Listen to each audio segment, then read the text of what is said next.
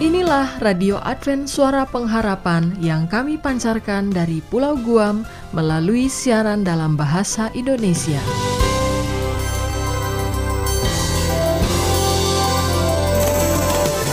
Salam sejahtera kepada saudara pendengar di mana pun Anda berada. Selamat berjumpa kembali dengan kami Radio Advent Suara Pengharapan. Dengan senang hati kami akan menemani Anda dan keluarga dengan rangkaian acara yang telah kami persiapkan bagi Anda sekeluarga dan harapan kami kiranya siaran ini dapat bermanfaat dan menjadi berkat bagi kita semua. Selamat mengikuti dan selamat mendengarkan. Tuhan memberkati.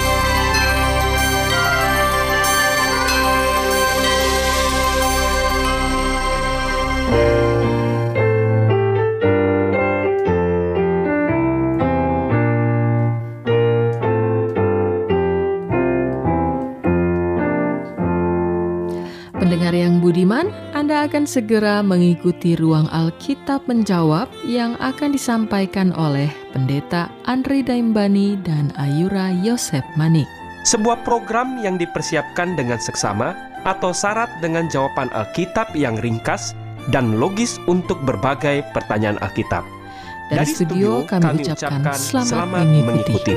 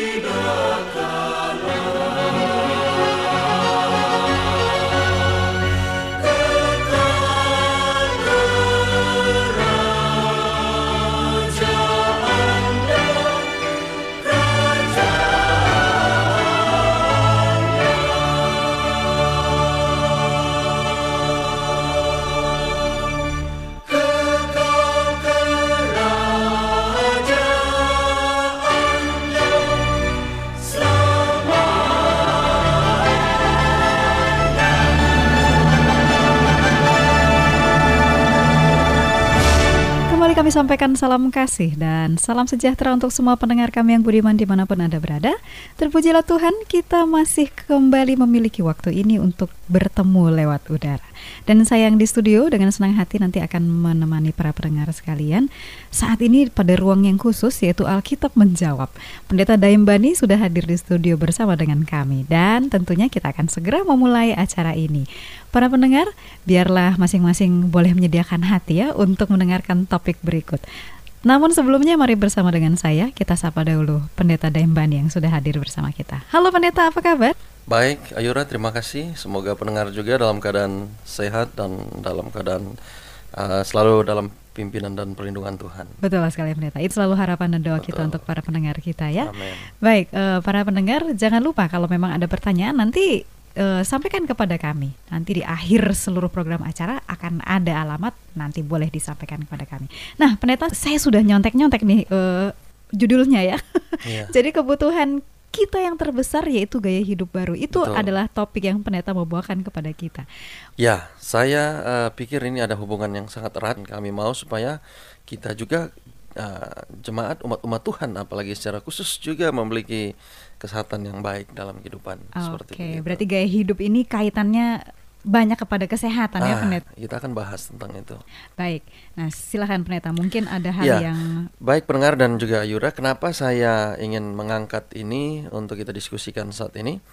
Uh, beberapa waktu yang lalu ada um, seorang uh, peneliti, tepatnya dia adalah ketua daripada asosiasi medis di Amerika sana dalam oh, satu okay uh, pertemuan besar tentang uh, spesialis jantung di satu kota di Amerika. Mm -hmm. Dia pembicara ini memulai pembicaraannya dengan kata-kata begini, bahwa kebutuhan dari negara mereka ya, kebutuhan Amerika yang terbesar adalah satu gaya hidup yang baru. Mm. Uh, saya tidak tahu kenapa uh, orang ini menyebutkan demikian. Mm. Ya mungkin dia mereka melihat bahwa dari kebiasaan-kebiasaan gaya hidup orang Amerika itu pada akhirnya seolah-olah menuntun mereka kepada sesuatu yang buruk ya sehingga dalam pembukaannya itu dia mengatakan bahwa sekarang ini Amerika membutuhkan yaitu satu gaya hidup yang baru. Maaf Reta, bahkan Amerika yang negara sangat maju ya Betul. dibanding kalau negara kita Indonesia sehat oh ya pasti kita sangat memerlukannya orang di sana juga ternyata perlu kesehatan Betul net, tidak berarti bahwa sudah canggih bahwa mereka luput dan mereka boleh uh, melakukan segala sesuatu seenaknya okay. nah jadi secara kasat mata memang uh, apa yang disebutkan tadi oleh uh, pemimpin asosiasi medis tadi Uh, itu betul, bukan hanya di Amerika, bahkan di negara-negara yang lain juga, iya. termasuk yeah. negara kita. Yeah. Ya, sesungguhnya kata-kata tadi itu betul. Betul sekali. Banyak penyakit yang berbahaya yang berhubungan langsung dengan pola kebiasaan hidup. Ah, betul yang sekali. ya kalau kita bandingkan dari dulu, bandingkan dengan sekarang, mm -hmm. kelihatannya itu frekuensi atau uh, lebih meningkat, angkanya lebih tinggi statistiknya. Baik. Ya kalau kita berbicara tentang penyakit jantung, stroke, kita memang sekarang tidak membahas tentang kesehatan ya, karena ya, saya tahu ada ya. pembahasan yang lain di radio yang sama ini. Okay. Tetapi saya hanya mengangkat ini untuk menunjukkan fakta-fakta ilmiah yang ada di luar sehingga nanti kita akan melihat kembali seperti judul acara bagaimana kata Alkitab. Alkitab menjawab. Ya. Kalau kita melihat ya angka statistik tentang penyakit jantung, stroke, kanker dan diabetes, secara umum kita katakan bahwa terjadi peningkatan yang luar biasa hmm. ya bukan saja di Amerika tadi yang saya sebutkan bahkan di negara Hampir kita di juga ya. negara ya, ya di negara kita juga betul. Jadi kalau melihat kenyataan ini Ayura dan juga pendengar saya kemudian uh, berpikir saya melihat ada hubungan yang erat antara keadaan jasmani kita, fisik kita mm -hmm. dengan keadaan rohani. Betul. Jadi ini tidak bisa dipisahkan. Betul, ya. Dan kita bersyukur bahwa Allah sangat tertarik Allah begitu peduli dengan kesehatan jasmani kita. Okay. Tentu Ayura dan juga pendengar uh, di rumah masih ingat ada pepatah zaman dulu waktu kita masih SD dulu ya. Oh, Saya iya, tahu berapa iya. tahun lalu, mungkin ya 15 Mensana atau in corpore sano Ah, itu, itu ya, bahasanya ya. Dalam tubuh yang sehat terdapat jiwa yang sehat kira-kira begitu. Betul. Jadi betul. saya senang oleh karena begini, waktu saya menyebutkan kalimat itu saya mungkin belum seperti sekarang ya sudah ya, ya pemahamannya masih sempit iya, dan okay. mungkin masih sedikit. Hmm.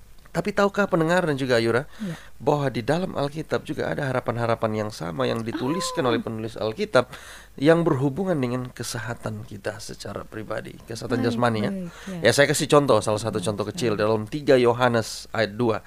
Ini 3 Yohanes ini hanya satu Hanya pasal, satu pasal, ya. Jadi, Jadi tiga surat Yohanes, 3 Yohanes pasal, pasal 1 ayat satu yang ayat yang kedua. kedua. ya. Oke. Di sana Yohanes menyatakan ya berhubungan dengan kesehatan ya satu pernyataan ungkapan perasaan dia. Betul. Saudaraku yang kekasih itu kata Yohanes. Aku berdoa semoga engkau baik-baik dan sehat-sehat saja dalam segala sesuatu Hmm. sama seperti jiwamu baik-baik saja. Jadi Wah, itu, itu- hanya salah satu. Baru salah satu Ya. itu pendeta ya. Ada ayat-ayat yang lain lagi yang sekali bahkan itu. Menyatakan secara jelas sekali ya tentang kesehatan. Kira-kira demikian, Ayora. Jadi eh, ini yang saya bisa berikan dalam bagian awal ini. Baik, terima kasih untuk eh, penjelasan awal ya pendeta ya. Jadi Ya. ini makin menarik buat saya. Bahkan sekarang sudah ada beberapa pertanyaan yang saya ingin eh, sampaikan kepada pendeta. Kira-kira eh, pendeta kalau tadi di 3 Yohanes 1 ayat 2 ya. Ya, betul. Itu sudah dijelaskan hubungan antara kesehatan jasmani dan rohani, Ada jiwamu baik-baik saja. iya. Nah, apakah ada petunjuk lain di buku lain di Alkitab Ya, gitu? Karena saya- tadi pendeta bilang masih banyak kan ya? Betul, baik. Terima kasih. Jadi karena tema kita adalah Alkitab menjawab, saya Ya. selalu menggunakan Alkitab sebagai reference dan ini bukan pembahasan kesehatan. Saya tidak terlalu mengerti tentang kesehatan, tapi saya hanya mengangkat dari apa yang Alkitab sebutkan sepengetahuan saya Itu yang lebih dibutuhkan. yang ya.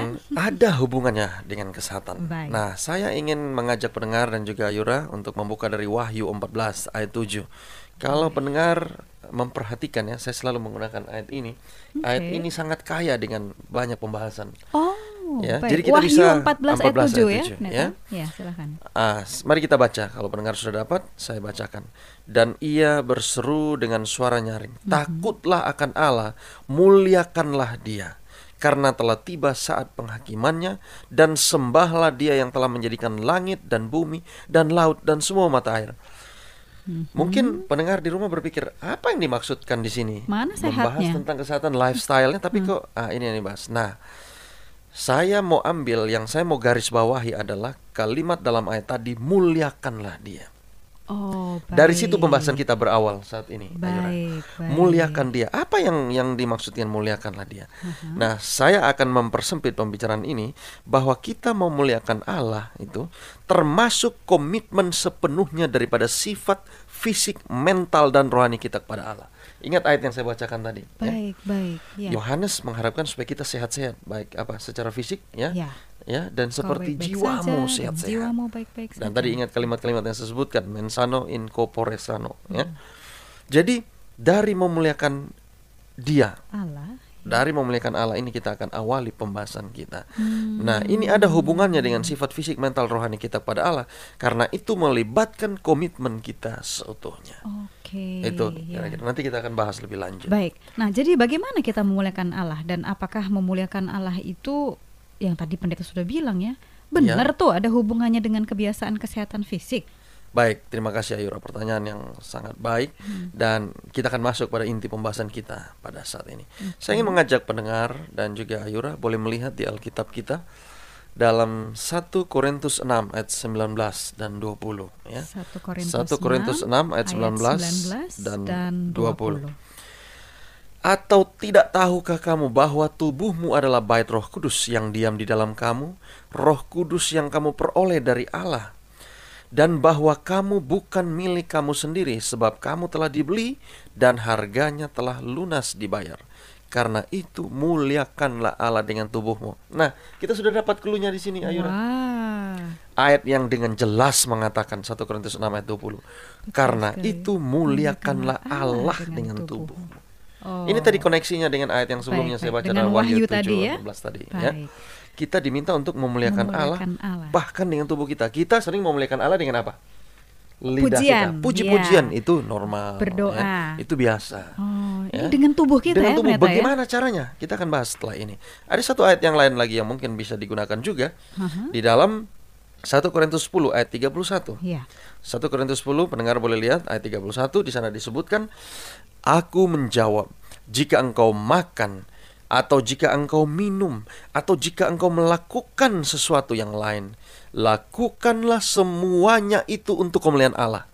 Apa masih kurang jelas ini kira-kira Ayura? Betul Saya tanya. sekali ya. Ya. Memuliakan Allah dengan tubuh Ya. caranya adalah cara kita makan, minum, Bahkan cara kita melakukan minum, sesuatu apa pun melakukan. yang lain. Luar biasa Alkitab kita Luar ya. Ayura. biasa Apakah kita melihat bahwa Tuhan itu begitu baik sampai hal-hal yang sekecil ini masa sih sampai makan sama minum itu diatur dalam Alkitab? Eh Luar tunggu dulu, biasa ya. Betul. Ya, Alkitab betul. mengatur semua itu. Tuhan begitu baik. Karena apa? Dia ingin supaya kita umat-umatnya ini memiliki apa?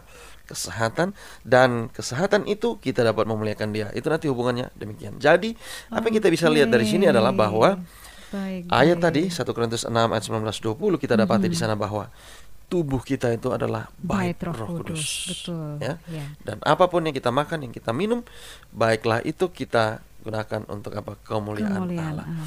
Jadi, kehidupan Kristen itu melibatkan seluruh pribadi seutuhnya. Hmm. Hal itu termasuk penyerahan tubuh kita seutuhnya kepada Allah dan kekudusan adalah seutuhnya bagi Allah. Jadi kira-kira demikian Ayura. Baik. Ya, saya punya pembahasan yang lebih detail lagi untuk itu, tapi saya pikir Ah. waktu kita tidak cukup.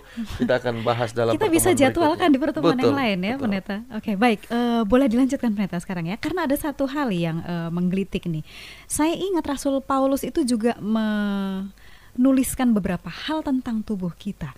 Apa Pendeta bisa bantu kami untuk nasihat apa saja yang pas Rasul Ya. Paulus sampaikan tentang tubuh? Satu hal yang lain yang kita bisa lihat adalah apa yang dicatat di dalam Roma pasal 12 ayat yang pertama. Ya, Roma, Roma 12 12, ayat yang pertama, ya. Baik. Di sana Rasul Paulus menuliskan, "Karena itu saudara-saudara, demi kemurahan Allah aku menasihatkan kamu supaya kamu mempersembahkan tubuhmu sebagai persembahan yang hidup, yang kudus dan yang berkenan kepada Allah. Itu adalah ibadahmu yang sejati."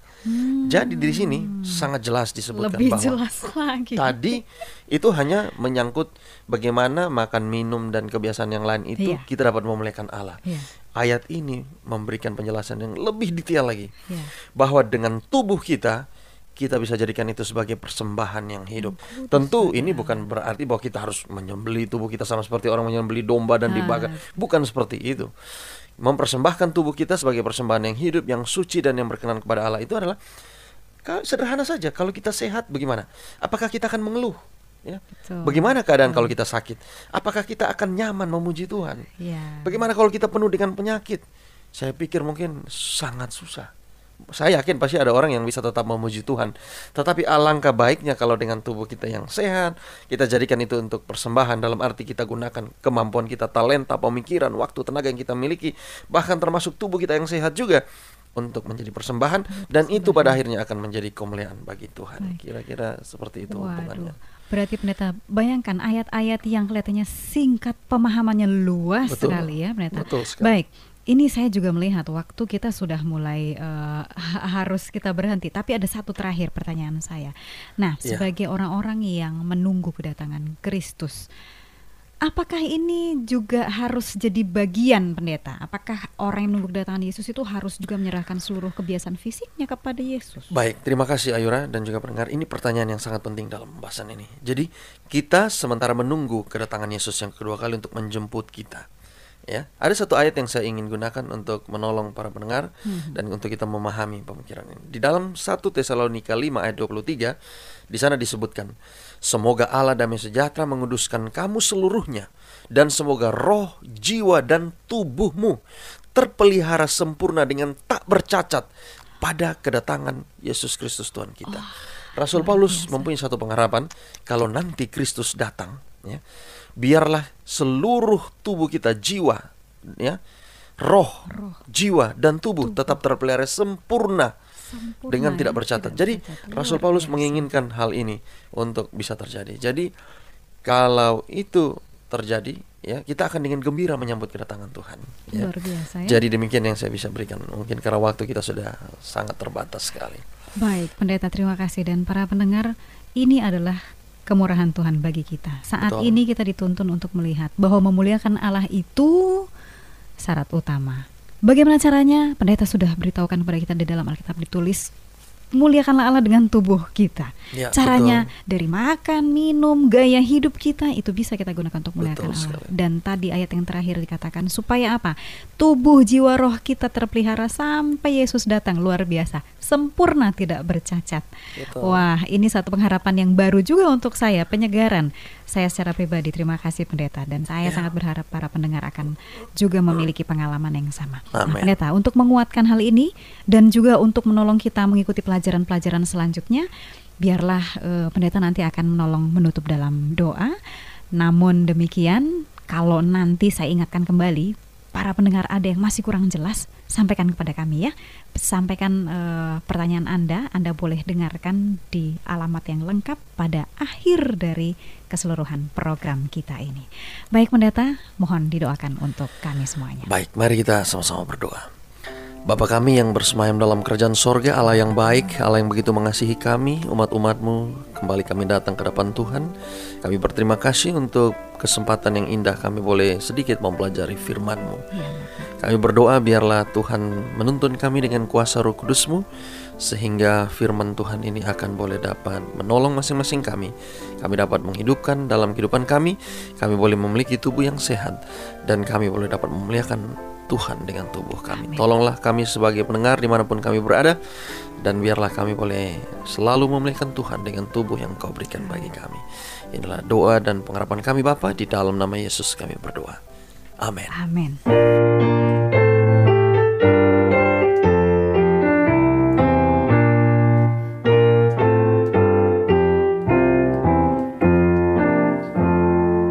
Anda baru saja mengikuti ruang Alkitab menjawab dan kami berharap juga mendoakan bahwa program ini bukan hanya menjawab pertanyaan, tetapi juga dapat digunakan sebagai pedoman hidup bagi para pencari Tuhan yang sungguh-sungguh. Sampai, Sampai berjumpa bertemu kembali dalam program yang sama minggu depan. depan. Salam dan doa kami menyertai Anda sekalian. Tuhan Tuhan memberkati. Shalom bagi semua sahabat pendengar. Kabar baik bahwa kisah dan kesaksian terkait siaran dan pelayanan AWR Indonesia kini dapat diikuti secara berkala, baik melalui siaran harian Radio Advent Suara Pengharapan setiap minggu kedua dan keempat, juga melalui YouTube dan Facebook AWR Indonesia. Terima kasih banyak untuk yang sudah menyampaikan dan masih terbuka bagi Anda semua untuk segera SMS atau telepon ke nomor AWR di 0821 1061 1595 atau di nomor 0816 1188 302 untuk WhatsApp dan Telegram. Kami tetap menunggu dukungan Anda.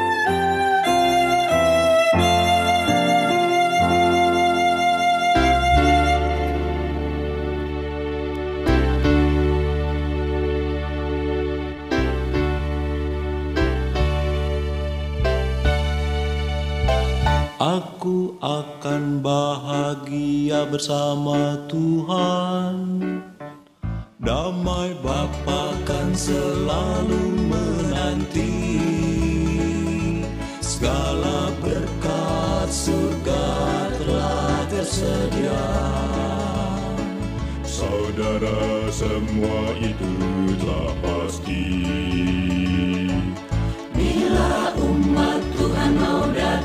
sembah dia Berdoa sungguh dalam pengharapan. Ku yakin Tuhan akan memberi kekuatan. Bahagia hingga tiba di surga. Demikianlah rangkaian acara yang dapat kami persembahkan hari ini. Dan apabila Anda mempunyai pertanyaan atau ingin mendapat pelajaran Alkitab penemuan baru, Anda dapat mengirim surat ke alamat Radio Advent Suara Pengharapan, PO Box 8090 Jakarta 12810 Indonesia.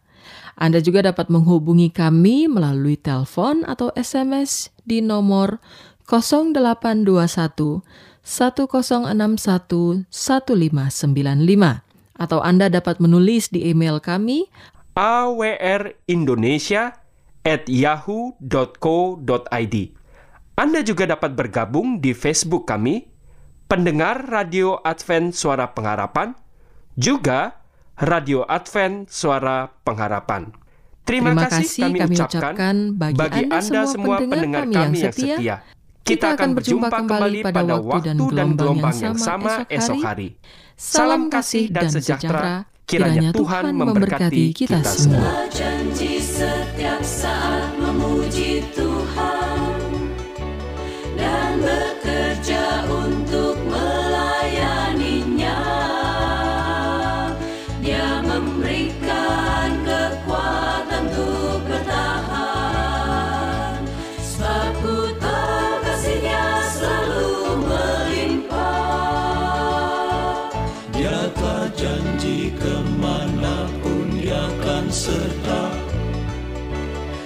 Asal serahkan semua di dalam doa